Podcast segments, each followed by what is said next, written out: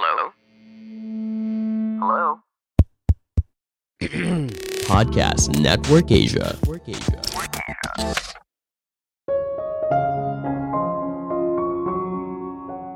Tidak ada penghargaan Nobel dalam hal pola asuh atau edukasi. Padahal dua hal ini paling penting di masyarakat. Bagaimana kita membesarkan dan mendidik seorang anak bukan hanya menentukan siapa mereka di masa depan, tapi juga masyarakat yang kita ciptakan. Halo semuanya, nama saya Michael. Selamat datang di podcast saya, Sikutu Buku. Kali ini saya akan bahas buku How to Raise Successful People karya Esther Wojcicki. Sebelum kita mulai, buat kalian yang mau support podcast ini agar terus berkarya, caranya gampang banget.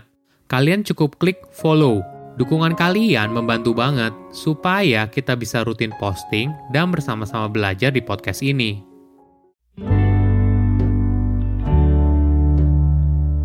Buku ini membahas bagaimana tips untuk membesarkan seorang anak yang sukses.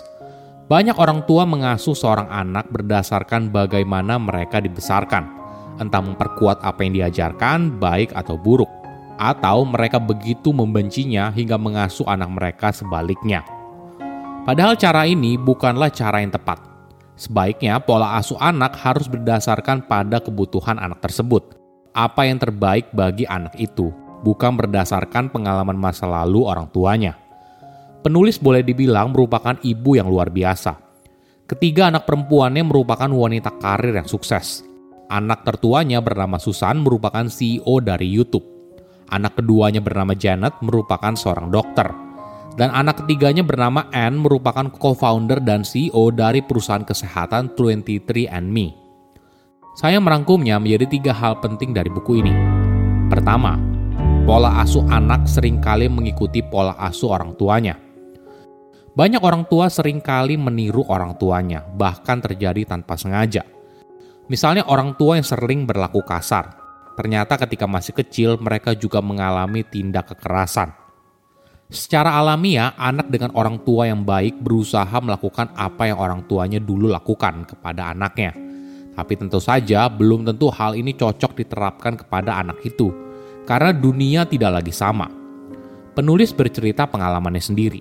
Dia dibesarkan pada tahun 1950-an di dalam sebuah keluarga yang masih menganut paham seksisme Artinya orang tua penulis mengajarkan kalau anak perempuan itu derajatnya lebih rendah daripada anak laki-laki dan perempuan harus nurut. Jadi ketika kakak laki-lakinya diberi kelonggaran, dia diperlakukan dengan keras tanpa ampun. Saat kakak laki-lakinya bebas menentukan mau jadi apa di masa depan, orang tua penulis mengatakan kalau wanita itu kodratnya berada di dapur sebagai ibu rumah tangga. Orang tuanya bahkan mengharapkan dia menikah di umur 18 tahun. Penulis tentunya memberontak dan pergi dari rumah. Dia lalu pindah dan melanjutkan pendidikan hingga lulus kuliah. Hal ini membuat orang tuanya marah dan tidak mengakuinya. Ketika anak ketiga penulis bernama Anne lulus kuliah, dia mengejutkan semua orang dengan mengumumkan kalau dia tidak ingin mengejar karir profesional sama sekali. Anne hanya ingin tinggal di rumah dan menjadi babysitter. Mayoritas orang tua mungkin panik dan terkejut atas keputusan Anne tapi penulis justru lebih rileks. Dia sadar kalau itu adalah hidup Anne dan dia akan menemukan jalan hidupnya sendiri sesuai waktunya sendiri. Sayangnya, ketika penulis masih menjadi guru, banyak sekali orang tua sangat dominan ketika anaknya memutuskan apa yang mereka inginkan dalam hidup. Penulis bercerita soal mantan muridnya bernama Greg. Dia merupakan anak yang berbakat dengan minat yang tinggi di bidang desain grafis. Namun orang tuanya punya pandangan yang berbeda mereka ingin anaknya jadi ilmuwan. Kenapa? Karena orang tuanya merupakan ilmuwan dan mereka punya pandangan yang sempit terhadap pilihan karir yang berbeda. Ketika Greg menunjukkan minat yang rendah pada bidang sains di sekolah, orang tuanya justru memaksa dia untuk mengambil kelas tambahan. Alhasil, Greg jadi tidak punya waktu untuk melakukan apa yang disukai, yaitu membuat karya seni. Hingga akhirnya, hal ini membuat dia stres dan sedih. Beruntungnya, Greg berhasil melewati tekanan di masa mudanya dan berhasil menjadi seorang seniman grafis yang sukses. Namun tidak semua anak seberuntung itu. Ketika orang tua gagal menghargai keputusan anaknya, maka hal ini bisa berujung pada keretakan dalam keluarga. Kedua, sukses atau baik pada sesama. Jika kamu jadi orang tua, mana yang lebih penting? Anak yang baik atau anak yang sukses? Seringkali banyak orang tua memprioritaskan anaknya untuk jadi anak yang sukses. Sebuah riset menemukan, orang tua lebih bangga apabila anaknya berprestasi dalam hal akademis daripada anak tersebut dikenal sebagai anak yang baik dan peduli dengan orang lain di lingkungan sekitarnya. Sadar ataupun tidak, orang tua sering kali memaksimalkan potensi anak mereka untuk sukses mulai dari mendorong mereka untuk mengikuti kelas tambahan hingga mendorong mereka untuk mencapai nilai tertentu. Fokusnya adalah anak tersebut harus menang, bukan apakah anak itu tumbuh menjadi anak yang baik atau tidak. Padahal sukses belum tentu buat bahagia. Riset membuktikan orang yang merasa hidupnya penuh syukur secara rata-rata lebih bahagia dan penuh harapan daripada populasi secara umum.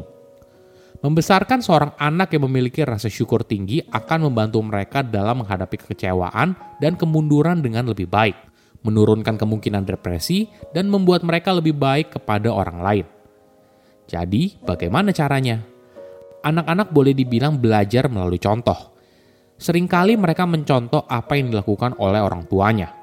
Mungkin kalian bisa melakukan aktivitas bersama untuk menuliskan segala hal baik yang patut disyukuri Hal ini bertujuan untuk membuat mereka menghargai hal kecil dalam hidup. Contoh lain, ketika ulang tahun, biasanya anak-anak akan mendapat kado. Bukan hanya dari orang tua, tapi dari lingkungan sekitar, entah dari keluarga atau sahabat. Nah, jangan fokus hanya membuka kado satu persatu, tapi ajarkan anak tersebut untuk mengucapkan terima kasih kepada si pemberi dan berikan sedikit waktu untuk mensyukuri hadiah tersebut. Barulah menuju hadiah yang lain. Ketiga, berikan anak kebebasan dalam batasan. Coba bayangkan seorang anak yang penurut. Apakah dia merupakan anak yang ideal? Mungkin mayoritas orang tua memilih anak yang penurut daripada pemberontak. Namun anak yang penurut tidak selamanya baik. Mungkin saja di masa depan, anak tersebut kesulitan untuk menentukan apa yang dia inginkan dalam hidup ketika dewasa. Anak-anak butuh batasan dan aturan untuk membuatnya merasa aman. Tapi terlalu banyak aturan justru bisa membuat mereka jadi insecure karena merasa kalau dirinya tidak punya kontrol atas hidupnya sendiri. Daripada jadi orang tua yang terlalu mengekang, penulis menekankan pola asuh yang kolaboratif. Misalnya, tetap memberikan mereka pilihan tapi juga punya batasan tertentu. Ini bisa diterapkan dalam hal yang sederhana. Anak-anak umumnya tidak suka makan sayur dan buah, tapi tentunya mereka perlu diajarkan pentingnya buah dan sayur untuk kebutuhan nutrisi harian manusia. Jadi daripada memaksa mereka 100%, mereka diberikan kebebasan untuk memilih sayur dan buah yang mereka sukai. Ini merupakan cara orang tua memberikan kebebasan sekaligus bertanggung jawab atas pilihan yang diambil. Saya undur diri, jangan lupa follow podcast Sikutu Buku. Bye-bye.